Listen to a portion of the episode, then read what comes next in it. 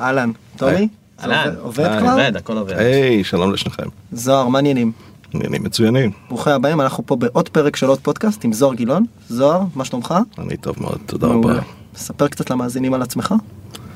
אני בן אה, 71, נולדתי בפולין, עליתי לארץ ב-57 כשהייתי בן 10. אה, גדלתי בחולון, מעמד בינוני נמוך, מה שהיינו קוראים אז, אה, עתודאי, טכניון, הנדסת חשמל, חיל אוויר, MBA תוך כדי שירות. אה, 20 שנים פלוס כנציג של חברות אמריקאיות בארץ בתחום התעופתי והביטחוני. אה, באמצע ייצוג של חברה שהתקינה את מערכת האונליין של מפעל הפיס בשנות ה-80 וב-27 השנים האחרונות משקיע בהייטק בעיקר כמשקיע פרטי תוך כדי התקופה גם ניהלתי קרן קטנה של בערך 40 מיליון דולר. אה, זהו, בגדול השקעתי נכון להיום ב-201 חברות, 86 לצערי נמחקו. האקזיט 49 הסתיים, אנחנו בתוך תהליך של האקזיט ה-50. וזהו, ואני בר מזל, ואני בר מזל לעבוד עם אנשים צעירים ומבריקים, ורובם גם נחמדים. מתי התחלת להשקיע אמרת? התחלתי להשקיע בסטארט-אפים בפברואר 92. זה עוד אפילו לא היה כזה טרנדי. זה לא היה, זה ממש לא- זה ממש לא היה טרנדי. אז אני רוצה, אני רוצה שנייה, אני חושב שהיום, אני שנייה אתחיל אה, דווקא באיזושהי פרשנות קלה, אני חושב שהיום אין הרבה אנשים שלא מכירים אותך בתוך התעשייה. אתה נחשב אה, למשקיע מאוד מוכר ומאוד מכובד. עם טרק רקורד יפה. ואחרי הסופרלטיבים צריך שנייה לחזור אחורה ולהבין איך הכל התחיל. אז באותם, לפני אותם 27 שנים, כשהתחלת להשקיע, מה, מה הוביל אותך בכלל להיכנס לתחום? אז אה, כמובן שזה תכנון אסטרטגי רב שנים. אה, ש- באמירה משועשעת? משועשעת אוקיי. לגמרי, משועשעת לגמרי. הרגשתי פה. משועשעת לגמרי, ובעצם זה המפגש, שני דברים. האחד זה שסיימנו אה, להתקין מערכת אונליין למפעל הפיס, וקיבלנו עמלה, צנועה למדי, אבל פתאום היו לי 190 אלף דולר בבנק בשנת 89. אה, לכם יש היום אה, מילון הרבה יותר רחב של הגדרות, טייקון, אוליגרך. אני לא ידעתי שאני או טייקון או אוליגרך, חשבתי שאני כזה. ואז פניתי לאחד משלושת חבריי הקרובים, שזה זועז יספר, קבוצת רז, שהם אז התחילו, הם היו כבר בסטארט-אפ השני או השלישי, וביקשתי להצטרף לאחת ההשקעות, וזה בעצם, בלי להיכנס פה כרגע לכל מיני זיגזגים, זה בעצם הייתה ההתחלה, חברה שנקראת עד היום סיליקום, נסחרת בנסדק, אה, חברה מאוד נחמדה עם אה, הישרדות מאוד ארוכה וגם מוצלחת. זוהר, אז לא הייתה כל כך תעשייה, כלומר, לא, אנחנו מדברים על שנת 94, משהו בסגנון, תעשייה, לא- לדעתי זוהר, אחים זיסאפל הקימו תעשיית ההייטק הישראלית. מה גרם לך להיכנס או לקחת את הסיכון הזה אה, בחברה שאתה יודע, לא היה לך איזה משהו להסתכל אחורה ולהגיד, אוקיי, יש לי אה, ממה להעתיק, או איזה case studies כזה על התעשייה? איך אתה לוקח סיכון כזה? אז אה, כמובן שזה זה תמיד, אה, מי שעושה את זה בשלבים מוקדמים, צריך להיות איזשהו שילוב של יצר הימור, סקרנות. אה, לי, למרות שבטכניון הייתי תלמיד מאוד בינוני, אה, תמיד הייתה נטייה אה, לטכנולוגיה המתקדמת ביותר. כמו שציינתי לגיא עוד לפני שהתחלנו פה, המקם שבזמנו אני מכרתי כנציג של ג'נרל אלקטריק לחיל אוויר עד היום עובד, זאת אומרת זה היה בחזית הטכנולוגיה כבר בשנת 79. המערכת אה, של מפעל הפיס שאנחנו התקנו הייתה הכי טובה בעולם, כן. וזה היה די ברור שהאחים זיסאפל בנושא של תקשורת מחשבים, שזה היה התחום שלהם המסורתי, הם בין המובילים בעולם. והם אנשים ברמות יכולת וכישרון נדיר. כן. אני הכרתי יותר טוב את זוהר, שהיה על גבול הגאונות, אה, ולא חשבתי שהסיכון הוא כזה גדול. כן. שנה לפני זה התחלתי להתעניין בכל נושא של טכנולוגיה במסחר במניות בנסדק, וקצת הבנו את כללי המשחק. אה, וזה היה נראה לי סיכון סביר, אני לא הייתי אומר סיכון בלתי, בלתי אמר, סביר. אמרת לעצמך, אנחנו שנייה נשב על זה בעוד כמה שאלות על כן. התקופה הזו ואז נתקדם. אמרת לעצמך שזה הולך להיות הביזנס שלי? אני הולך לא, לעבוד לא, לא, לא. בלהשקיע בחברות? לא, לא, לא, ממש לא. לא זה, זה היה תחביב. אני אז בגדול עסקתי בייצוג של חברות אמריקאיות בארץ בתחומים שונים, ומפה עברתי לנהל חברת ציבורית קטנה, לימים נעשתה ציבורית שעסקה בהשקעות כלליות, mm-hmm. אבל אף פעם לא חשבתי שזה בעצם יהפוך לעיסוק המרכזי, שאגב הוא עד היום לא, כי אני לא, לא לוקח הוצאות ולא לוקח משכורת, ואני עושה את זה די כתחביב, למרות שהמספרים כבר גדולים.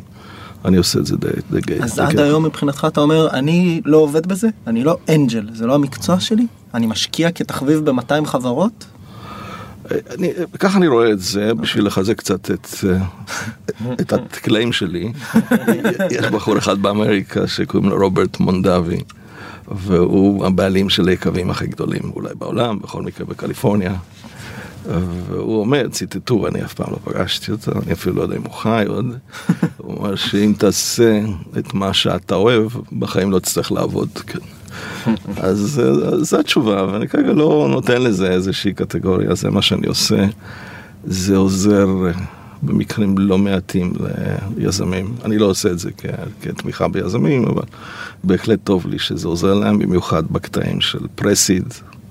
לפעמים השקעתי בחברות בלי בכלל שהייתה כתובת לחברה, אה, ולפעמים אפילו בחשבון הבנק של היזם וכולי, והאינטראקציה עם אנשים צעירים ומבריקים עושה לי את זה, ובשבע שמונה השנים האחרונות, בעקבות ביתי, נכנסתי לתחום של השקעות במדיקל, בהלסקר, שוב, עם טכנולוגיות מאוד מתקדמות, ששם אנחנו, אני חושב, עם שבע או שמונה חברות שהן עם מוצר מוביל בעולם, והתוספת הזו של לעזור לאנשים בסעיף של אה, מקרים מסוימים הצלת חיים, מקרים מסוימים שיפור איכות והערכת חיים, אה, עושה לי את זה, וזו אולי הסיבה שאני עדיין פה.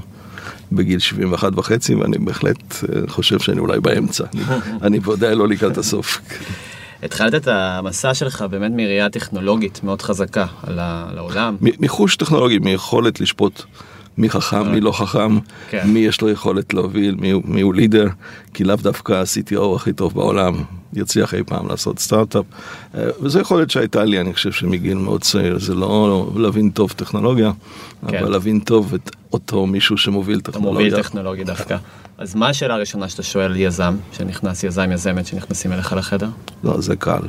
זה איך קראו לגננת שלו. אני עובר עם היזם על בעצם כל האבולוציה האישית שלו. איפה הוא למד, איפה הוא גר, מה ההורים שלו, אה, מי החברים הכי טובים שלו, מה רעייתו עושה, אה, באיזה תיכון, מה הוא לקח אה, מבחינת מקצועות, איפה הוא היה בצבא, מה הוא עשה אחרי צבא. ואני מנסה להבין מזה גם את היכולות שלו, אבל לא פחות ואולי יותר, את הבחירות שהוא עושה בחיים. האם הוא לוקח שורטקאט? או שהוא הולך עם הראש בקיר ובוחר את היעדים הכי, הכי קשים וכולי וכולי. אז הסדרה הראשונה של השאלות היא קשורה אך ורק ליכולת האישית שלו, ואחרי זה של השותף בדרך כלל, הם, הם שניים, לא תמיד. Mm-hmm. ואחרי זה אני אומר, אוקיי, עכשיו שייתנו פה בניחותא, ועכשיו תוך דקה תסבירו לי מה החברה עושה, מי צריך את זה, מי משלם למי וכמה. וזה בקטעים של לחץ, של ללחוץ אותו לכיוון של לדעת, להבין, ובמיוחד היכולת של להסביר מי צריך את מה שהוא עושה, אם זה מוצר, אם זה שירות וכולי וכולי. ואחרי זה זה מתפתח לכיוונים שונים, אה, כשיש לי כמה שאלות שמיוחד מעניינות אותי. זה דורש א', אה, הקשבה מאוד גדולה.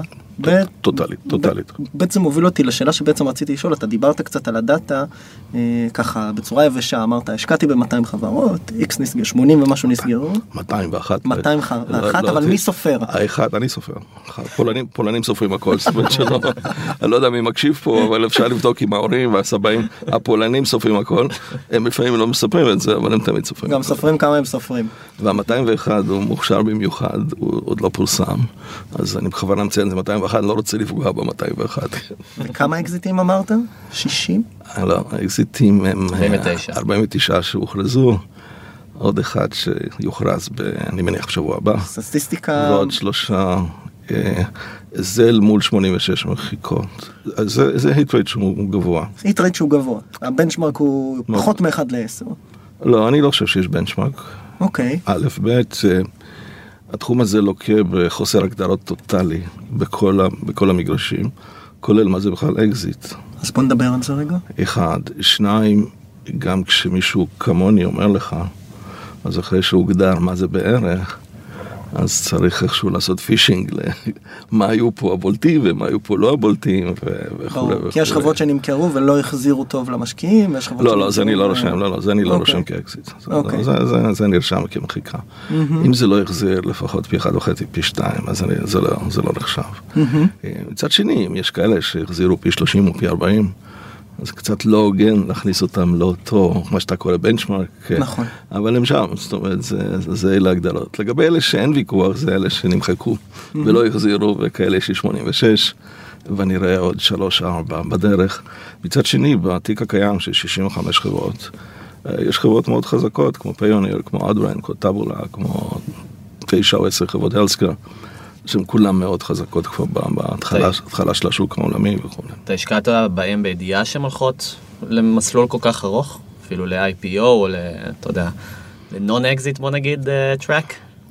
תראה, אני בא מהתחום הביטחוני, ששם לסיים פרויקט בעשר שנים זה נחשב שיא המהירות, כן? וצריך שם הרבה, הרבה סבלנות, זה אחד. שניים, אה, לפעמים קשה לדעת אם זה הולך למכירה או להנפקה, אתה צריך לראות את היזם או היזמים ותפקודם על פני השנים. שלוש, המספרים השתנו, כשאנחנו התחלנו, אז הסיכוי או ההסתברות לאקזיט באמצעות הנפקה אל מול מכירה היה בערך 20-80, זאת אומרת 20% היו בהנפקות. ואז היה צריך להסתכל על היזם ולראות אם יש לו את, אה, את היכולת לשרוד. אורך רוח, עמידות, עמידות, אורך רוח, סבלנות אה, וכולי. אה, היום זה אחרת, היום בפחות מחמישה אחוז האקזיטים הם אה, על ידי הנפקות. ואז המשחק הוא האם למכור, מתי למכור וכולי, אבל זה מעלה, אני פה קצת חורג מהשאלה שלכם, אבל זה מעלה נושאים אחרים, זאת אומרת, אתה לא יכול לשבת בתוך בורד של חברה, ששם יש גם, במקרים רבים, חברות המדיקל שלי אין, כי אנחנו נמנענו מקרנות, אבל יש גם חבר'ה מקרנות, והחבר'ה מהקרנות אומרים, לא, אז החברה הזאת תהיה שווה מיליארד דולר, והם יושבים על משכורת שמובטחת 12 שנה קדימה. והיזם אשתו אומרת, מה עם הדישוושר שדיברנו עליו במרץ, כן. אז, אז אם אתה רוצה את long play, אתה חייב להסדיר ליזם איזשהו מיני אקזיט, שיאפשר לו לקחת הביתה, whatever, אני לא אכנס פה למספרים, אבל סדר גודל של לפחות מיליון דולר, כדי שהוא יהיה aligned עם האחרים. לא לגמרי, לא לגמרי, כן, כן. כי עדיין 12 שנות משכורת אה, אי אפשר להבטיח, אבל שהוא לא יהיה לחוץ, שיופיע פעם ראשונה קונה וינופף בצ'ק של 62 מיליון דולר, שהוא ירצה למכור, והוא יצדק. אני בהשקעות שלי לא לוקח, לא מוכן לקחת זכויות וטו, כי אין מצב שאני אחסום יזם במצב הזה. כן. אה, אבל אתה צריך לדאוג לזה, ומי שצריך לדאוג לזה זה המשקיעים. אה, שיהיה פה אליינמנט של, המילה אינטרסים היא מאוד חזקה, אבל alignment של המצב של כולם, שיהיה בערך אותו דבר. שפה אתה מדבר, אנחנו, אנחנו קצת עשינו משיק לשאלה, אז תכף נחזור דווקא לנושא של ה track record ומה מאפיין השקעות טובות, אבל כן אני רוצה שנייה לפתח את הנקודה הזו ברשותך. אה, במילים אחרות אתה בא ואומר, אני גם, אני חושב, אנחנו מכירים את זה ממה שאנחנו שומעים פה ממשקיעים אחרים, יש תופעה ככל שהשוק של ה venture funding מתפתח, לתת מה שנקרא כסף ביד ליזמים ב secondary, זאת אומרת אתה עושה סיבוב A או B גדול, חלק מהכסף כמו שאמרת הולך ליזם כדי לשמור על אורך הרוח שלו ולא למכור מוקדם מדי, השוק של ה venture funding לא מתפתח. הוא לא מתפתח. אולי זהו, בשנת 99 היו פה מעל 100 קרנות ישראליות. אני לא, אני לא כולל בזה. אז סקויה ארצות הברית ולימים Lightspeed וכולי. מתוך המאה נשארו חמש. אז זה קשה להגדיר את זה כמתפתח. אבל יש הרבה חדשות. נכון, שילכו באותה דרך. ובעוד עשר שנים כשנעשה את הרעיון הבא, או אולי את השלישי בסדרה, אז נהיה בדיוק באותם מספרים. למה זה ככה? בגלל שזה תחום שהוא ב-20 שנים האחרונות קש און קש מפסיד, בכל העולם. יש 20 קרנות בערך שעושות, אה, אם תסלחו לי על ביטויים של ילדים, ימבה של כסף, כמו סקויה ואחרון. חשבתי שאתה הולך לקלל כבר. אה, לא, זה קשה. זה קשה, במיוחד שיש סיכוי מסוים שאתם מקליטים, אם לא יתקלקל לכם פה המכשיר. טומי תבדוק רגע. אז אה, וכל היתר, ואם אם תסתכלו בנקודות שאפשר לראות בהן דאטה, כמו האתר של Cambridge Associates, שזה בעצם החברה היחידה שיש לה נגישות לכמעט כל התוצאות של הקרנות, בגלל שבשביל לקבל כסף ממוסדיים צריך לעבור את Cambridge Associates. אה, או CalPERS, שזה הקרן הפנסיה של עובדי מדינת קליפורניה, הקרן פנסיה הכי גדולה בעולם. אה, זה די מצחיק כשאתה מסתכל בפנים על, על התוצאות קש און קש. והשיערוכים בתחום הזה, זה צריך להיות פעם על ביטוי של ילדים, זה חרטה ברטה. מה זאת אומרת השיערוכים? זה שאומרים לך שלי יש 6-8% בחברה ששווה 500 מיליון דולר, בגלל שהגיוס האחרון היה לפי 500, אין לזה שום קשר לכמה החברה באמת שווה, בגלל שסוגי המניות הם שמונה, ואי אפשר לתת מחיר של אה, מניית קומון כמו שנותנים למשהו שהוא פריפרד, סיבוב אחרון, עוד לפעמים גם עם אחד וחצי או שני אקס.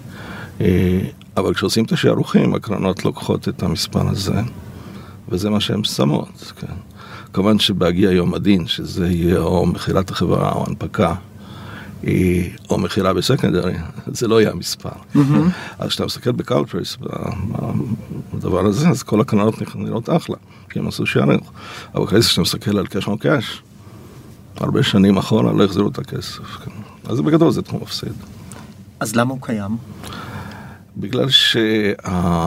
זה יופי שאלה, אני מתלבט בה קצת.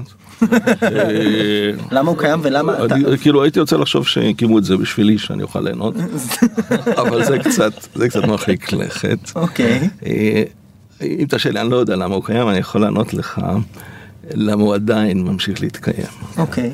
אני חושב שאולי בהרחבה, הוא התחיל להיות קיים בשנות ה-80.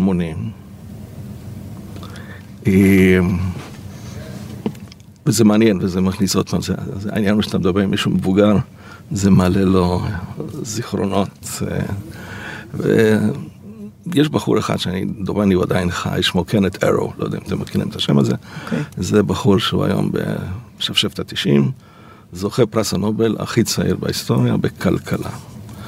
והוא טיפל בנושאים שהיו נושאים מעניינים, ולמשל, הוא עשה, כתב מאמרים בתחום של, של intangible assets. מה זה intangible asset? intangible asset זה הכסף בקופת החברה, זה הריהוט, זה המיקרופונים, מקווה שילמתם עליו את, ה, את התשלומים וכולי. ה-intangible זה הידע, זה, זה צורת הניהול, זה מה שנקרא enterprise value במושגים של stock market. והדוגמה שהוא ציין, ולמה אני מחייך פה, היא מייקרוסופט. הוא אמר, תראו, מייקרוסופט יש להם tangible asset 2 מיליון, שווים בשוק 800 מיליון. ראה הצצה היום, מייקרוסופט חברה number 1 בעולם היום, בערך שוק של אה, בין 700 ל-800. אמ, אז אני חושב שהקטע הזה של היכולת לייצר ערך, שהוא ערך בלתי משיש, גרמה לאנשים לקפוץ לתחום הזה, אחד, שניים, אני חושב שכל נושא של חדשנות טכנולוגית קרוב לרבים, ולא פלא שזה התחיל באזורים של אה, סן פרנסיסקו, סיליקון וואלי ובוסטון.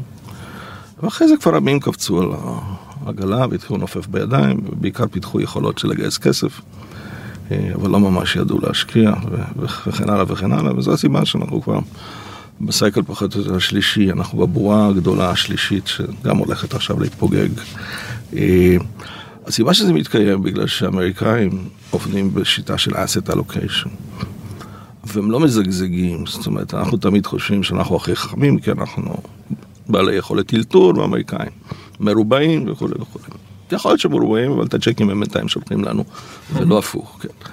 והם עובדים על ה asset allocation. זה אומרים, אה, נגיד CalPERS, אנחנו נחליט שאנחנו שמים 25% בנדל"ן, 25% ב-traded securities, 25% בדט. ונגיד 3% או 5% ב-alternative investments. hedge funds, קרנות. לא, hedge funds זה בא בסקיוריטי. ה-alternative investments זה בדרך כלל private equity ו-VCs. ובדרך כלל המשקל הוא לטובת private equity, אז בואו נניח רגע 2% private equity, אחוז אחד ב-VCs. והם לא משנים בגלל ששנת 2000, אה, סוף השנה הייתה גרועה. הם ממשיכים בזה. הם פה ושם עושים התאמות, הם משתמשים ב gatekeepers וכולי וכולי, fund of funds לפעמים. אבל ממשיכים להזין את המפלצת הזו וככה זה עדיין שורד.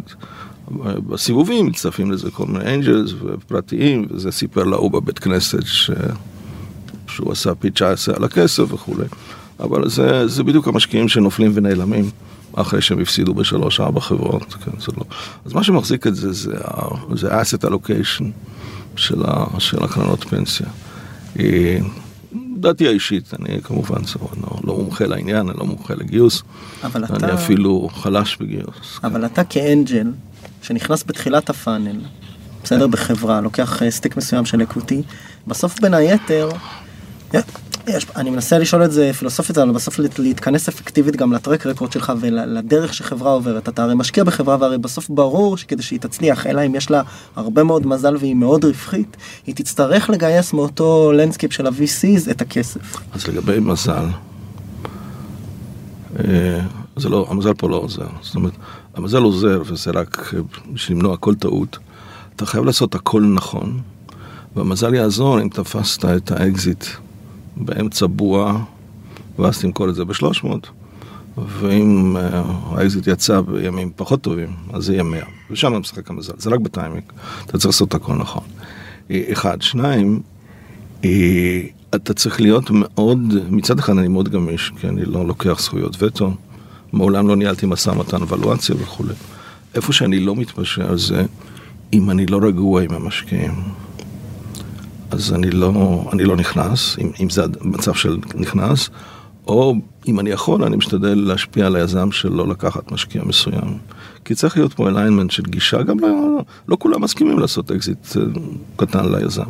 יש כאלה שאומרים, מה פתאום, הוא, הוא ירוויח כשאנחנו נרוויח. כן. Who cares? או strike price לאופציות גבוה, כמו שאנחנו שילמנו, ואני אומר, ההפך, נמוך, כי זה כסף שבחיים לא נראה. אז אני אומר, אני משתדל להגיע למצב, ונגזר מזה, יש קרן או שתיים בארץ, שמתוך 200 השקעות מעולם, מעולם לא השקעתי איתם. לעומת זאת, יש קרנות אחרות. וזה לא סוד, כי זה פה ושם מופיע בעיתונים, כמו Lightspeed, כמו סקויה, כמו כרמל, אה, בזמנו Star, שאני משקיע איתם כל הזמן, בגלל שאנחנו aligned בצורת המחשבה. אה, אז זה אחד. שניים, גם ממה שאמרת, כן, אני משקיע בשלבים מוקדמים, בדרך כלל, כי שם זה פוט, ושם באמת היזם צריך אותי. אבל אני גם ממשיך להשקיע בחברות שלי גם בשלבים מאוד מאוחרים, כי זה משחק של סיכון סיכוי. נגיד שהשקעתי ב-Outbrain לפי 450. אה, הסיכון בהשקעה זה היה יותר קטן, אבל גם הסיכוי, זה היה ברור שזה לא יעשה פי 20 על הכסף. זה פשוט משחק של סיכון סיכוי. וזה הסיפור הזה של לשמור על חלקך כשאתה בעצם לא קרן. אין, אין איזה זה קשקוש. אוקיי. כאילו, קרה לך שהשקעת ויש לך 1.3 אחוז. למה? בגלל שהוולואציה הייתה כזו, וזה היה הסכום, ואשתך אה, הסכימה, כן, אני צוחק, במקרה שלי היא תמיד מסכימה. אה, אז כאילו למה, כאילו זה מספר קדוש עכשיו, לשמור עליו אה, 1.3. כמו שאמרת, הוא נגזר מסוג המניה ומהשווי של החברה. כן, אבל הוא, הוא, הוא בלתי חשוב לחלוטין, להפך אני אומר, תראה, זה הכל, זה הכל פסיכולוגי. ולשמור זה, זה ה- הריטריט הכי קל למישהו שלא אוהב לעשות השקעות, אה, לעשות החלטות, רוב האנשים. קשה להם מאוד לעשות החלטות. אז נשמור על חלקנו, כאילו מה, אם זה טוב תגדיל את חלקך, אם זה גרוע תקטין אותו. זה מספר שהוא פלאג נאמבר שאין לו בכלל שום חשיבות. אה, כי זה כסף שיצא כבר, במובן הזה. לא, אני אומר, במקרה יצא. ואם, ואם החברה הייתה מגייסת עוד מיליון דולר, אז לא היה לך 1.3, היה לך 1.2, אוקיי, אז גם 1.2 אתה צריך לשמור, 1.2. זה מספר חסר חשיבות לגמרי, אה, אבל הוא, הוא כן חשוב פסיכולוגית, ככה זה מקל על אנשים אה, להחליט. ואני בכלל לא נוהג על פי זה. אני משקיע כשאני חושב שההשקעה היא טובה, וזה עומד בתחרות עם עוד, יש לי כרגע 60 חברות. אה, ואני משקיע במקרים מסוימים בצורה לא מאוד מקצועית, כי אני יודע שאם אני לא אשקיע, אז זה ייוודע ואחרים לא ישקיעו. אז, אז אני אומר, אם אני חושב שהחברה בסדר, ושווה לקיים אותה, אה, בשביל לא להכשיל את הגיוס, לפעמים אני משקיע, למרות שאני אומר, מבחינת כדאיות השקעה, יש לי שמונה דברים יותר טוב. כ follow, אתה מדבר על ה follow-up אני מדבר רק על. ה follow-up. זאת אומרת, כדי שלא יהיה פה, מדבר רק על כדי. שלא יהיה פה שאלה של signaling בעצם, כדי שלא ישאלו למה. זוהר לא נכנס, חד משמעית. אבל מבחינה כלכלית אתה אומר, לא, אני אומר, לא, לא, אני אומר, אני בחיים לא אתמוך בחברה שאני חושב שצריך לסגור אותה. אני חושב שאני היחיד בארץ שגם גרם לסגירה של חברה כשהיה לה עוד 14 מיליון דולר, לא, לא שמעתי על מקרה כזה אף פעם. אז אני לא אשקיע בחברה שצריך לסגור אותה, או שאני חושב שמיצינו והלכנו ימינה ושמאלה, והיום יש את המילה פיבוט כן, אה, וכו'. אה, אני מתייחס למקרה שהמקרה הוא, הוא גבולי פלוס. ויש לי עוד אה, ארבע חברות שעומדות לגייס בחודשים הקרובים שהן עדיפות בעיניי. כמו שראיתם, אני מחזיק בשיא ישראל בלעשות טעויות, אבל נניח לרגע, באותה נקודת זמן, שאני חושב שההשקעה היא, היא סבירה, אבל יש טובות ממנה. אם אני יודע שיש פה נקודת רגישות, כי אחרים יסתכלו עליי, אז אני עושה את ההשקעה. Mm-hmm. אני משתדל כמובן לא להגזים, לא להשקיע גוב. סכום גדול. אני רוצה רגע לחזור למפגשים הראשונים, דווקא ההשקעות הראשונות, אה, כלומר לא הפולו-אפ, אלא שאתה משקיע, בוחר בעצם במי להשקיע. כמה זה אינטואיטיבי לעומת כמה זה, אתה יודע, אנליטי באיזשהו מובן? תראה, זה עניין של הגדרה, כאילו, בקצה אפשר להגיד זה 99% אינטואיטיבי. כי אני יושב עם הבן אדם שעה ורבע, או עם הגברת, או עם, או עם השותפים, והתוצאה היא אחת משלוש החלטות. אחת זה לא תודה. זה אחרי שאני כבר מראש מקבל רק כאלה שאני חושב שזה מעניין. אז אחד זה לא תודה, וזה כמובן רוב התשובות. שתיים זה, וואלה, זה מאוד מוצא חן בעיניי. אני יודע שחשוב לכם שאני אוביל את זה, כי תמיד צריך מישהו שהוא פסיליטייטור. ובמקרים מסוימים יש גם ערך לזה שאני משקיע, ברוב המקרים לא אגב, כן. אה, או, או מצב שלישי, אני אומר, חבר'ה, אני לא מיוחד אוהב את התנאים, אני רוצה לראות מי, ה... מי יוביל את זה, תספרו לי, כשיהיה לכם את זה מגובש, תקבלו תשובה תוך 24 שעות. במקרה ב', שאני מוביל את זה, אני גם דואג לחצי מהכסף, כי אני בדרך כלל לא מאפשר לאנשים להצטרף אליי, להוציא שניים שלושה חברים, אבל במקרה ואני מוביל, אז אני דואג לחצי מהכסף. לחצי מסך כל הסיבוב. כן, בדרך כלל זה סיבוב לא גדול, mm-hmm. כי מדובר בפרסיד או בסיד, אז זה סדרי גודל של, הייתי אומר, עד, עד מיליון וחצי. הסך הכל. והיום כשאתה מנסה לתרגם את האינטואיציה הזו למילים ממשיות, כן. יש פה יזמים, יזמות מאזינים לפרק הזה, הם אומרים, אוקיי, זה 99% אינטואיטיבי, I can appreciate that שהוא אומר את זה, שזה חיבור כן. אישי ותחושת בטן. אם אתה בסוף מנסה לתרגם את החיבור האישי והתחושת בטן הזו למילים, מה אתה מזהה שם? זה, אני עניתי על זה באיזה רעיון, אני כמו שאמרתי לכם, התראיינתי פעמיים בחיים. אז אנחנו נמחזר את התשובות. בתקווה שלא כולם קראו את הרעיון, אז אנחנו נמחזר את התשובה, וזה גם אז התחבר, כי ניסינו לתמוך, וזה אירוע התרמה שניסה נתיב. בעצם אצלי זה אודישן, וזה אודישן כי אני חושב שאני יודע לשפוט. את מה שאני רואה, איך זה יעבור אל מול לגייס שותף נוסף, איך זה יהיה מול לגייס עובדים, כי יש תחרות מאוד גדולה כרגע על עובדים, אני חושב שזה ישתנה בעוד שנה, כרגע יש תחרות מאוד גדולה. איך זה יימכר מול לקוחות פוטנציאליים, איך זה יימכר מול שותפים אסטרטגיים, ואיך זה שלי יימכר מול בנקאים, אה, כשצריך אה, להנפיק את החברה או למכור אותה וכולי mm-hmm. וכולי. ואני חושב שאני יודע לשפוט היטב את הדברים האלה. שוב, תמיד יש טעויות. אה, אז זה בעצם ההתייחסות שלי, זה אינטואיטיבי בקטע הזה, אחד. שניים, בשנות ה-90 זה היה יותר קל, כי יזמים בסדר גודל של זו, יספר, לא אביגדור וילנס וכולי. נתת את זה בידם ואמרת וואלה הם יסתדרו כבר הכל, כן, הם, הם ימצאו את השוק, את הטכנולוגיה, אגב אביגדור אחרי עשרה חודשים שינה, זרק הכל לפח, ושאל אותי אם זה בסדר, אמרתי לו, אחלה, אני השקעתי בך, לא, ב... לא הייתי בבורד של החברה. אה, ב-15 שנים האחרונות זה יותר קשה. בגלל שכל הנישות הגדולות כבר תפוסות, כן, כבר יש, אה, היה eBay, יש אמזון, יש, יש גוגל. אה, ואז אני צריך גם לחשוב על האם עושה שכל הביזנס שרוצים לעשות. ולא פחות חשוב, האם אותו יזם מתאים לתחום הזה. כי יכול להיות יזם שהוא הוביל פנטסטי חברות של אה, צ'יפים בסוף שנות התשעים, והוא לא יוכל לעשות משהו של e-commerce, כי זה דברים אחרים. אני אפילו לא מזכיר consumer, כי ב consumer לא היה לנו שום הצלחות, בוא נגיד, מימי בית שני ועד היום. שלוש, שלוש הצלחות, אז חבל על זה בכלל לבזבז זמן, אפילו לא ברעיון. אז זה, זה שלושת הדברים, זה, זה עוצמתו ושרידותו של היזם. שתיים, זה, זה באמת התחום, אם הוא עושה שכל. ופה לפעמים אני נעזר בחבר צעיר, ושלוש, זה... האם היזם הזה מתאים לעניין הזה. יש איזה תזה נחמדה, היא לא הומצאה, כן, אבל אה, מאמר שקראתי על זה שמשקיעים אוהבים להשקיע בקווים, לא בנקודות. זאת אומרת, אתה רוצה בסופו של דבר להסתכל על יזם, גם בשלבים מוקדמים, ולראות אותו עובר איזשהו תהליך. אז חד משמעי... אה, אז איך בשעה ורבע אתה רואה תהליך? אתה הרי אמרת, אני פוגש אותו, ואם זה בא לי בבטן, 24 שעות יש תשובה. מנגד יש משקיעים ואני לא אומר פה מה טוב ומה רע, הם באים ואומרים, הם לא אומרים תחזור אליי, אני לא מדבר על התחזור אליי וזה בעצם לא, אבל הם נגיד רואים מישהו ואחרי שלושה חודשים הם רואים מישהו ורואים את ההתקדמות. וזה ולידטור כשלעצמו, שהבן אדם הוא executor, שהבן אדם, שמה, בוא שיש מומנטום. בוא ניקח את זה להשלמה מתמטית. Mm-hmm. הם יגידו, תחזור שלושה חודשים לפני הנפקה ואנחנו נשקיע אצלך. Mm-hmm. כי יש סיכוי, כבר יש לך בנקאים, יש סיכוי. כן, mm-hmm. פה זה כל החוכמה, זה החוכמה של לנוע על ציר. הסיכון סיכוי. ומי שיחכה את השלושה חודשים, יחכה עוד פעם, יחכה עוד פעם, ויזם גם באותה הזדמנות.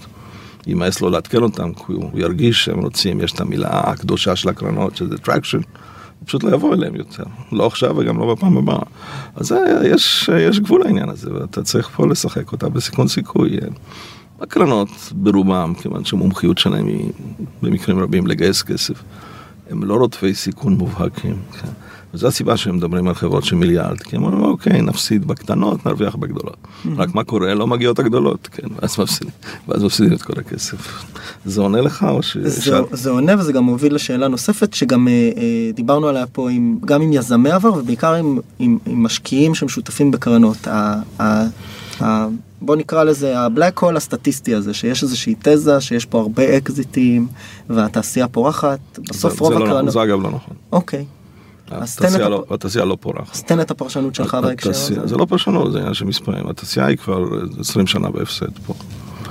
אה, בגלל שמה שלא יודעים, או, ב, או בכוונה מתעלמים מזה, זה להעמיד דולר מול דולר. ומה אני מתכוון? תן דוגמה. הרי מה בסוף חשוב? חשוב זה כמה דולרים מסומנים, כי זה דולרים מסומנים, שבאים להשקיע בהייטק, לא באים להשקיע בתנובה. או, ב, או בחברות טכנולוגיה נסחרות או בטבע, הם באים להשקיע בסטארט-אפים לא שכירים, אוקיי?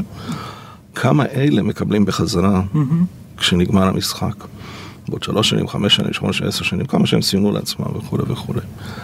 ופה המספרים ביג טיים לא מקבלים בחזרה. ומאיפה הטעויות האלה צומחות ואיפה מבלבלים את כולם? זה, ניתן דוגמה שעכשיו הופפולי ממשמשת ובאה, מלאנוקס. אם מלאנוקס תימכר, אז, אה, אז יירשם אקזיט של חמישה מיליארד דולר, נכון?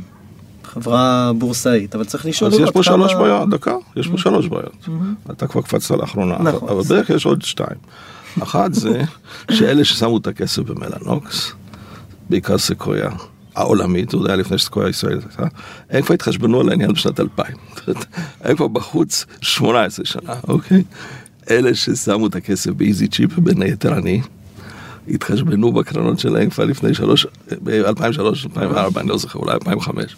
זאת אומרת שאנחנו סגרנו חשבון, וסטאר הייתה שם כמובן משקיע מוביל, אנחנו סגרנו חשבון כבר לפני 13 שנה. אז מי מחזיק במניות מלאנוק? בעלי מניות, ציבור. כן, אבל זה... כל מיני, לא משנה, mm-hmm. פרטיים, ובעיקר אמריקאים, אגב, זה לא, רובם לא ישראלים. כאילו, לכל החבורה הזו של המאה קרנות שיש בארץ, או 150, זה שיש אקזיט במלאנוקס, בכלל לא רלוונטי. ברור. לזה תוסיף עוד את מה שאתה אמרת, זה כבר כאילו פעם אחת נרשם, שהונפקה מלאנוקס, פעם שנייה זה נרשם כשהונפקה איזי צ'יפ או נבלעה בתוך לנאופטיקס וכולי וכולי. אז אה, יש פה אה, חוסר הבנה, הטיה, לא יודע, תבחרו אתם. ונראה שיש גם את המרכיב המתמטי של כמה כסף זרם לאורך חיי הסחירות של החברה בבורסה למניות, לא מה היה השווי שלה כשהונפקה. זה משהו אחר, זה התחשבנות של ההדג' וזה... אתה יודע, אני עכשיו אשאל אותך שאלה ונראה אם אתם, יש לכם תשובה, כאילו אין תשובה לזה, אבל... אה, הוא נותן גם את התשובה, אני אוהב, זה כן. מבחן עם צ'יטים. לא, לא, זו שאלה שאני לא יודע את התשובה, אבל היא קשה. כן. אה, once upon a time, כשהיה פחות וולטיליות בשווקים הטכנולוגיים, אז זה היה ידוע שאם נגיד אה, מניה מסוימת עלתה במשך השנה, מדובר במניות אמריקאיות, אז מאוד סביר שמי שהחזיק במניה הזו, שהוא אמריקאי, ימכור אותה רק בתחילת ינואר. כי הוא אומר וואלה הרווחתי כבר המון ואני רוצה למכור את זה, רוצה לממש ואשתו רוצה דישוושר כמו שאמרנו Mhm. קודם. אבל הוא אומר אם אני אמכור את זה בדצמבר אני משלם מס רווחון על אותה שנה. ואני אמכור בינואר נכנס לי לחשבון של השנה הבאה. אוקיי. ועכשיו אני שואל אתכם לאור מה שקרה השנה. האם ימכרו בדצמבר או ימכרו בינואר? בגלל, בגלל שמי ש, שקנה את אמזון ב, בספטמבר השנה, וימכור את זה עכשיו, יהיה לו ים בהפסד שהוא יוכל לרשום. בהנחה שיש לו מול מה לרשום את זה, כן. לעומת זאת, מישהו שקנה את זה לפני שנתיים, אז הוא עדיין ברווח, אז הוא ימכור את זה רק בינואר, כן. אז זה כמובן, אנחנו לא יודעים מה המשקלים של... אה, של מי שמחזיק במניה וכולי. אבל פה הטיימינג הוא מאוד קובע שמתי נכנסת, וכמובן עוד יותר חשוב מתי יצאת. אני רוצה לחזור לנתונים. אה, זה לפחות דברים שאנחנו קוראים בעיתונות, על הגידול בקצב ההשקעות ובהיקף ההשקעות. כל שנת, אה, כל שנה עכשיו היא שנת שיא בכמות הכסף שמוזרם אה, לסטארט-אפים נכון, ולקרנות. נכון, נכון, ב-2019 זה ישתנה. ה- הגרף הזה ישתנה בצורה מתונה, וב-2020 הוא ישתנה בצורה קיצונית. אני רק רוצה להשלים את הנקודה. השאלה היא האם זה לא קצת כמו סטארט-אפ בצמיחה? שאתה מזרים כסף פנימה ואת ההחזרים אולי נראה בעוד עשור שתיים? זאת אומרת, האם זה לא תעשייה שמודדים אותה קצר טווח, כשבפועל צריך למדוד אותה ארוך טווח? קודם כל, משהו שלוקח דולר ומחזיר 60 סנט זה לא תעשייה. בשום קנה מידה, תחפש בוויקיפדיה או במילונים יותר עתיקים זה לא תעשייה. אחד. שניים, אה, אני לא חושב שיש פה הגבלה. אה, העולם עבר שנים לא קצרות, אני חייב להגיד שאני מאוד הופתעתי של אפס ריבית ושל אה, כתוצאה מזה frustration של הכסף שלי לא עובד ולא וכולי. ואותו hedge fund שהייתי מושקע בו עד 2007, אה, הוא היום לא מצליח להרוויח, ואותו סאב פריים שהייתי מובטח על הנייר בתחילת שנות 2000, גם הצלחתי להפסיד עליו 94 סנט על הדולר. אז בוא נשים בהייטק, זה נשמע מבטיח, כן. כן, ממש נקרא נכסים אלטרנטיביים. כן, כן, אבל אצל אנשים פרטיים, אז יש לא מעט אנשים שיודעים לרכב על הגל הזה. והם רוכבים עליו, והם, והם אספו הרבה מאוד כסף. בקרנות, גם אמריקאיות, גם ישראליות, יחסית לישראל, כי זה היה ענף בדעיכה מסוימת.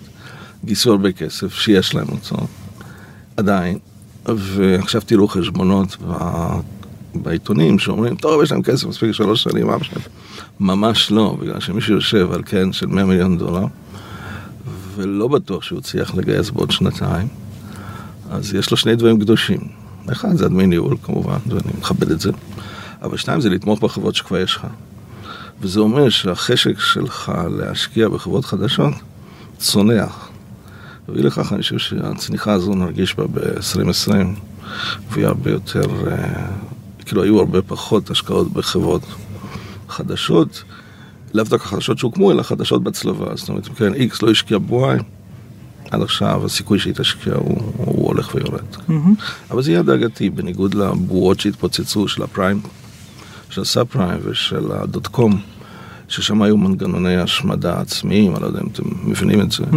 אה, פה אין מנגנון, כאילו אותם 220 יוניקורנס, שזה בסך הכל עז, עם קרן אחת ועם שלוש רגליים, הם ימותו בזמנם החופשי, עד שיגמר להם הכסף. הם לא ימותו כי עוד שני יוניקורנס מתו שבוע קודם. זאת אומרת, אין פה דומינו. אבל הם ימותו בגלל שהמבנה הגיוסים האלה היה שגוי ופשוט לא יהיו פה. ואנדר יוניקורנס יש כאלה שגייסו לפי 200, 300, 400, 500, וגם הם בצרה בגלל שהם לא יכולו לגייס יותר, אלא אם הם יעשו משהו שנקרא recapitalization, שהוא מאוד אכזרי בגלל שיש עכשיו תשעה קלאסים של מניות, שאומרים לכולם, אוקיי, עכשיו תוותרו לינארית, וההוא שלמעלה אומר, אני לינארית לא מוותר, בגלל שלי יש את הזכויות יתר. והוא שיש לו שלושה אקס ליקודיישן הוא אומר, חבר'ה, אתם צודקים, מעל זה אף אחד לא ייתן לנו כסף, אז אני מוותר, אבל במקום ה-11% שיש לי, עכשיו תיתנו לי 40, עכשיו אני מוותר. אז היו פה תהליכים שלא כולם ייהנו מהם. ואתה כמשקיע שמשקיע בתחילת הדרך, ובעצם מסתכל על ה deal flow הישראלי, מה שנקרא, בבסיס הפירמידה, פחות או יותר, זה משפיע על איך שאתה מקבל החלטות היום? אתה משקיע יותר, אתה משקיע אני- פחות? אני- אני אסביר. התשובה המיידית היא כן, כמובן. אגב, אני משקיע רק בישראל. כן משקיע יותר או כן משקיע פחות? מה אתה חושב? אני חושב שפחות. וואו. אוקיי. You got it. ניצחת את זה. אז לפחות הקשבתי. אז קודם כל בשביל להבהיר, אני משקיע רק בישראלים. רק באשר- בישראל או רק בישראל? רק בישראלים. באשר הם שם, אם זה בוסטון, אם זה ניו יורק, אם זה קליפורניה, אבל רק ישראלים. אה, מדוע? בגלל שזה אנשים שיודע לשפוט. אני יודע איפה הם היו בצבא, אני יודע באיזה תיכון הם למדו, אני יודע אם הם לקחו עשר מחשבים, חמש פיזיקה. זה לא אומר מיד שהם יצליחו, אבל זה אומר שהם התייחסו ב... ו... ואיזה מכללה הם בחרו על פני אוניברסיטה או הפוך וכולי וכולי. אצל האמריקאים, ואני לא אומר את זה בגנות, אבל זה הנורמה. אתה רואה אה, CV של אמריקאי, והוא עבד באיזה בנק, ואחרי שאתה קורא את מה שהוא עשה, אתה אומר, וואלה, הבנק הזה היו בו 40 אלף עובדים, מה הם עשו? כי, כי הוא הרי עשה הכל, לא, לא מסוגל לשפוט את זה, ואני לא, לא בעניין. לענות לך, אני ב-2006, כאילו, לך אחורה, כל בועה, שאני, אני עדיין לא היסטוריון של 300 שנה, אבל uh, כל בועה שאני ראיתי, היא מתחילה ממשהו נכון. כי צריך את זה, סייבר. אחלה צריך את זה, אחלה שוק, אחלה יש לנו יתרון יחסי. אה, אבל אז זה הופך ל buzzword, ואחרי זה זה הופך להייפ, ואז זה משתגע, ופתאום יש לנו 650 חברות סייבר. מה הסיכוי שלהם בכלל לשרוד? כן, לא קיים. ב- כמו שאתם צעירים, אתם לא זוכרים או לא יודעים, ב-99 היו 180 חברות שקראנו להם Computer Security, כי לא ידענו את המילה סייבר, מה לעשות. זה חוץ מהסייבר ארק וצ'ק פוינט שנוסדו קודם, אני מדבר על וינטג' 95. אה, ואז זה מתחיל להשתגע. עכשיו, אני הגעתי מסקנה ב-2016, שזה זה בועה. ואז עשיתי כמה דברים. א', אמרתי לחברות שלי, אני לא חסיד גדול של לגייס יותר מדי כסף. אני כן חסיד בלגייס מתי שאפשר, אבל לא יותר מדי כסף. כי חברה שמגייסת 100 מיליון דולר, היא בסוף לא נגמר טוב, כן? גם מתחילים להוציא יותר כסף, וגם משתעבדים לזה, והם חשופים בצריח. אבל אמרתי, כן, תגייסו עכשיו יותר ממה שהייתי אומר כרגיל. אחד, שניים, תלכו גם ל-corporate funds, שבדרך כלל אני לא מתלהב מהם. אה, כי אולי בטעות גם מישהו יקנה את החברה. ושלוש, 2016 זו פעם ראשונה שהתחלתי לעשות דברים שבחיים לא עשיתי קודם, זה למכור החזקות בסקנדרי. כי אמרתי, אני חושב שזה לא הולך טוב, אה, למקום טוב, וצריך פה לממש מה שאפשר, אך ורק במצבים של over subscription, זאת אומרת שהיה ביקוש יתר באחד הסיבובים. אני אתן דוגמה אחת. אה, למרות שזה confidential, אבל זה לא סוד גדול, זה מכרתי את כל החזקתי בסייבר רייזן. באותה נקודת זמן, זה היה אחרי שאדאלום נמכרה, סייבר רייזן חברה מספר אחת בארץ, בנושא סייבר, הייתה הסכמה כללית. בכל זאת מכרתי, הרווח שם היה עצום מבחינת X וכולי. אז עשיתי שש מכירות כאלה במהלך 2016. ואתה ממשיך לממש גם היום, כשאתה מסתכל על החברות המנוהלות, as מתוך, as we speak. מת- מתוך, ה- מתוך הבנה שיש פה כמה נתוני מקרו, דיברת על זה, הריבית האפסית אה, פוסט המשבר אה, של 2008-2007, אה, העובדה שהרבה כסף זורם לנכסים האלה מלמעלה, לא רק דרך קרנות הפנסיה, גם נכון, כל נכון, אני- הסופט-בנקיות אבל אני הולך- וכולי. אני הולך בצד אחד קדימה. אוקיי, אני אומר, עכשיו מה, נוצר מצב שהרבה מאוד חברות בתחום הם מה שאני חושב overpriced. כמובן העניין של pricing הוא עניין של, אה, הוא עניין של איך אתה מסתכל על זה, הם overpriced. אז אני אומר, אם מישהו מוכן, מישהו מוכן לשלם לי במחיר שאני חושב שהוא overpriced, הוא באמת רוצה discount, כי זה לא אותה מניה, ובדרך כלל יש discount בין 10 ל-25 אחוז. אה, אז אני, אני כן הולך ומממש. אבל בדרך כלל רבע ממה שיש לי או משהו כזה, זאת אומרת, אני לא מעז, חוץ מסייבריזן לא העזתי למכור את הכל, כי בכל זאת אתה מסתכל אחרי זה אחורה, אתה אומר וואלה איזה פראייר הייתי ואיזה גאונים היו כל אלה שנשארו. שפשוט לא היה להם אומץ להחליט. כי- הפסיכולוגיה משפיעה גם עליך. קודם כל. יש לזה עוד נדבך אבל, כי אתה כן מלווה חברות, ואתה השקעת בסייבריזם גם בהתחלה שלהם, ואתה בסוף צריך להוציא את הכסף לפני שיש את המיילסטון הרציני. זה כמו באיזשהו מובן להתפטר מחברה שליווית בכל כך הרבה זמן. יש איזה פן גם, לא יודע, אישי, מנטלי, פסיכולוגיה, ש... תמיד יש. כן?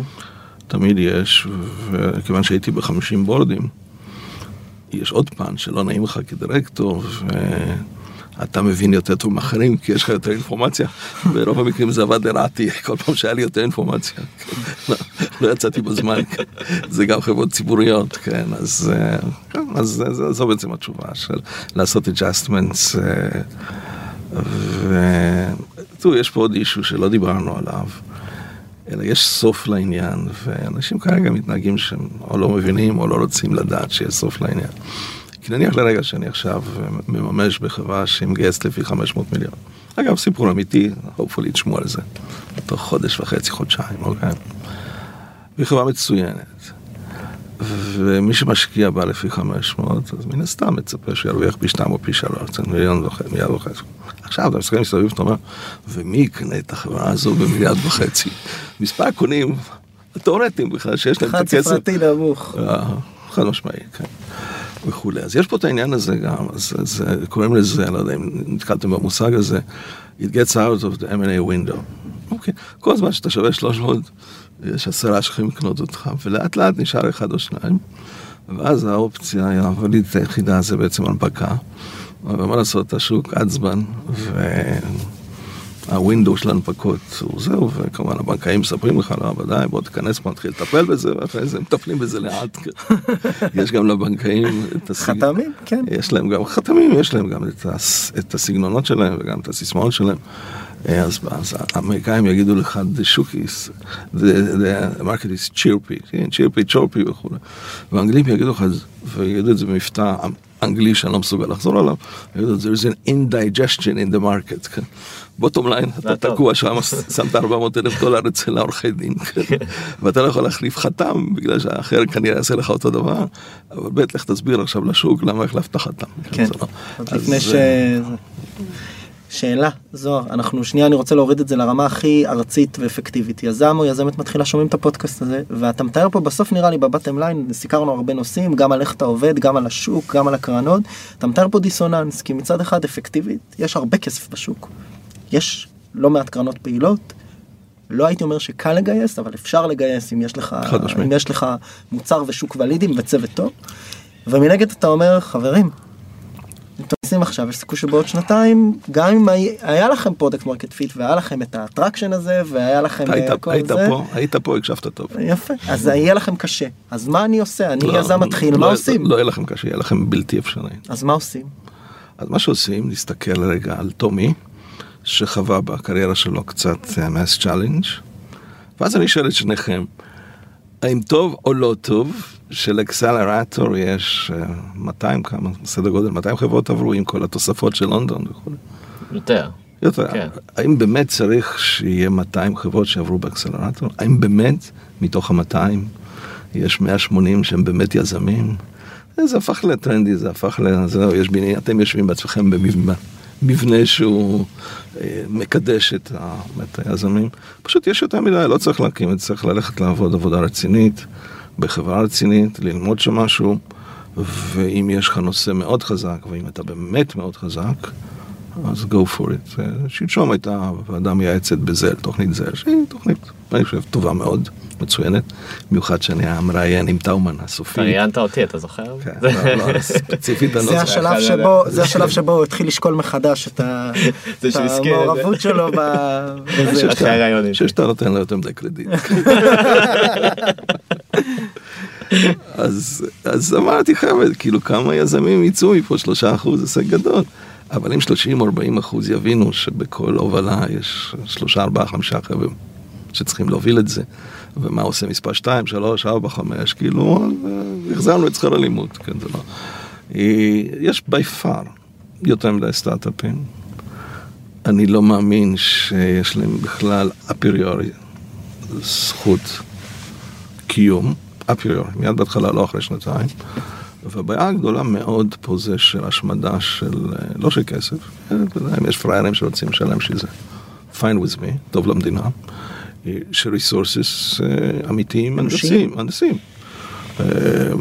שותפי לנכדים, משה ינאי, שהוא מגדולי היזמים אי פעם של מדינת ישראל וכו' וכו'. שהוא חברה פנטסטית בתחום ה storage, היום כבר אפשר להגיד לך, מובילות בעולם אל מול הענקים. ה frustration העיקרי שלו, אי אפשר לגייס פה מהנדס, כן? כולם מתעסקים פה באפליקציות, היום כבר לא אפליקציות, דברים קצת יותר זהו. אז יש פה, יש פה בזבוז ענק של יכולות אישיות. אה, ואלה שלא נתקעים בסטארט-אפים מזנבים בנו אה, כל החבר'ה המרכזיים, כמו גוגל ופייסבוק וכולי וכולי, וזה מה שהורס לנו את ה... מה עמיתיך בקרנות חושבים על זה? לי אין לי עמיתים אין לך עמיתים בקרנות? כי אתה מציג פה תמה שקצת אה, משאירה אותם במערומיהם מה שנקרא. זו שאלה לא מוצלחת. שמח לקבל פידבק על השאלות שלי.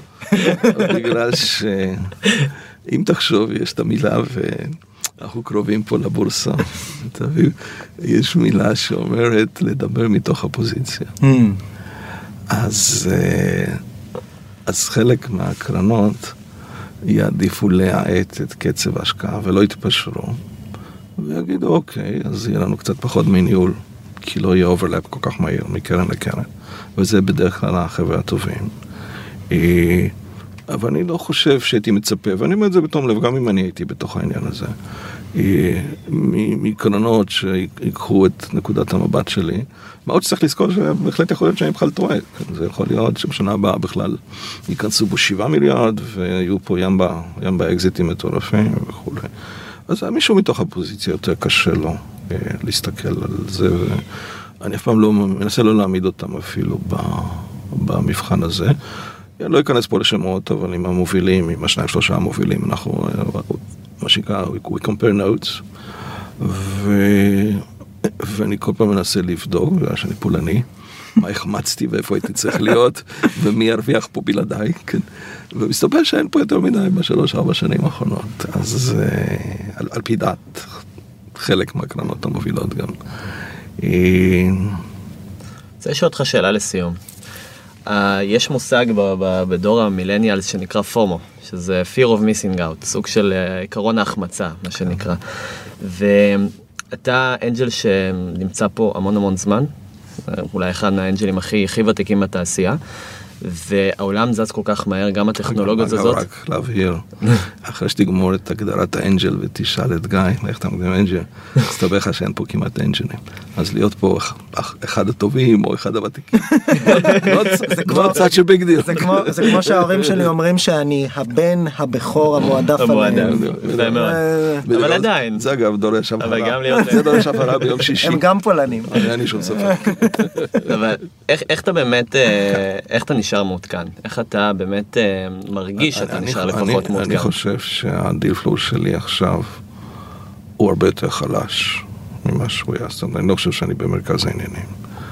אה, תראה, בעבר, א', לא קרה, ואני אומר את זה בשחצנות פולנית, חופשי על הבר, לא קרה שיזם שעשה איתי משהו אי פעם, חוץ מאולי שניים שלושה, לא חשוב אם זה הצליח או לא, שלא חזר אליי.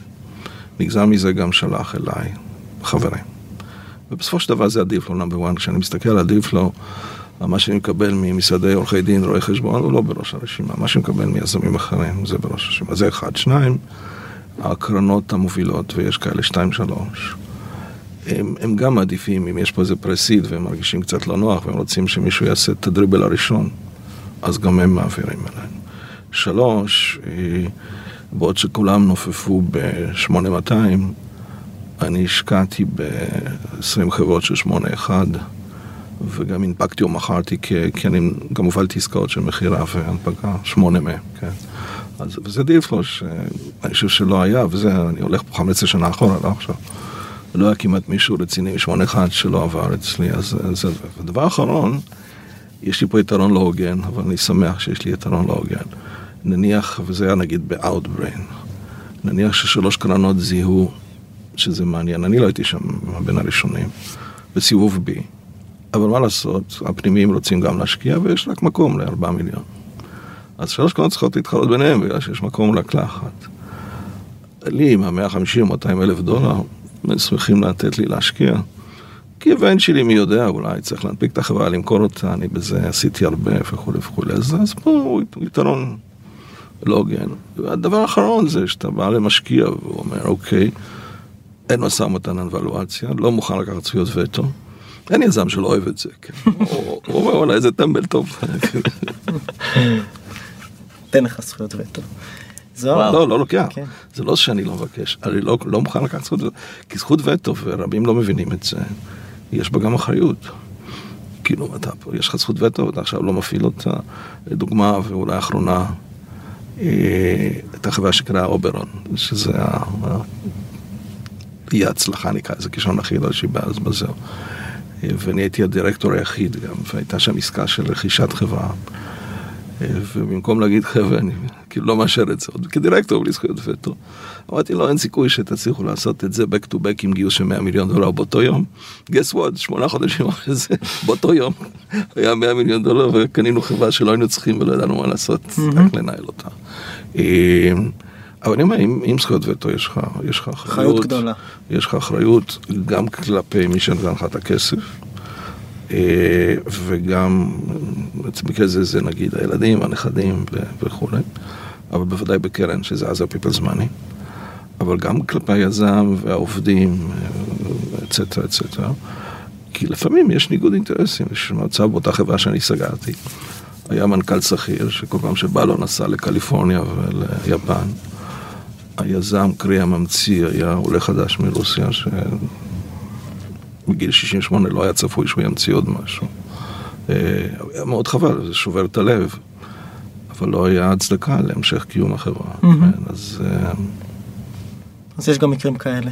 יש מקרים, הם, הם, מאוד, הם מאוד קשים, ואני בניתי לי רציונל כדירקטור, שהוא תירוץ, אבל תירוץ שעובד לי, זה אם, אם לא נפטר את אותם ה-20 איש מתוך המאה, שזה שובר לב, אני בגיל 28 הבטחתי לעצמי שאני לא אנהל יותר מעשרה אנשים בגלל זה, אז כל המאה לא יהיה להם עבודה בעוד שנה. אז זה מין תירוץ, אבל... שאלה אחרונה, איך פונים אליך? מי שרוצה להגיע אליך? זה בדרך כלל, אה, יש הרבה פניות קולד. אתה עונה? לקולד? אין, אין, כן, קודם כל אין אף אחד שפנה שלא מקבל תשובה תוך שבוע. אה, ברוב המקרים זה, זה לא מעניין אותי, התחום לא מעניין אותי, ותודה רבה וכולי.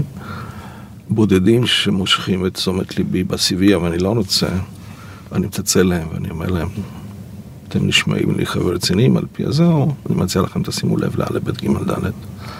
מקרים מאוד נדירים, אבל היו זה שהזמנתי למשרד ואמרתי, תראו, אבל הכותרת היא שאני לא, לא רואה את עצמי. אבל בדרך כלל אני עונה תשובה קצרה, ואתה יודע, יש גם כאלה שאולי קצת נעלבים, כי לפעמים מקבלים תשובה תוך חצי שעה. אבל רוב היזמים מאוד אוהבים את זה, במקום להיות באיזה... להיות תלוי. הגדרה כן. בדיוק, תלוי בשמונה ביקורים אצל איזה קרן, ואחרי שנתיים הוא עדיין לא יודע. אחרי ששלחו אותו לעשות מחקרי שוק וסרווייז ואני לא יודע מה. אז אה, זה אני מתחייב, תמיד יש תשובה, unless משהו נעלם באימיילים וכולי, וזה גם זה נדיר. זוהר, תודה רבה. בשמחה, כיף. טוב, אולי מי- נגזר מזה תחליט אותי יזמים. לא- לא- לא מיד? לא מיד. נשלח לך מייל, אחרי חצי שעה נקבל את זה. נקבל תשובה. הוא סימן אותך כבר. אם אני באיזה הפסקה של קונצרט, אז לפעמים התשובה היא גם יותר קצרה, כי צריך לסגור את הפלאפון. תודה רבה זוהר. זוהר, תודה. היה לנו לעונג. כיף, יופי.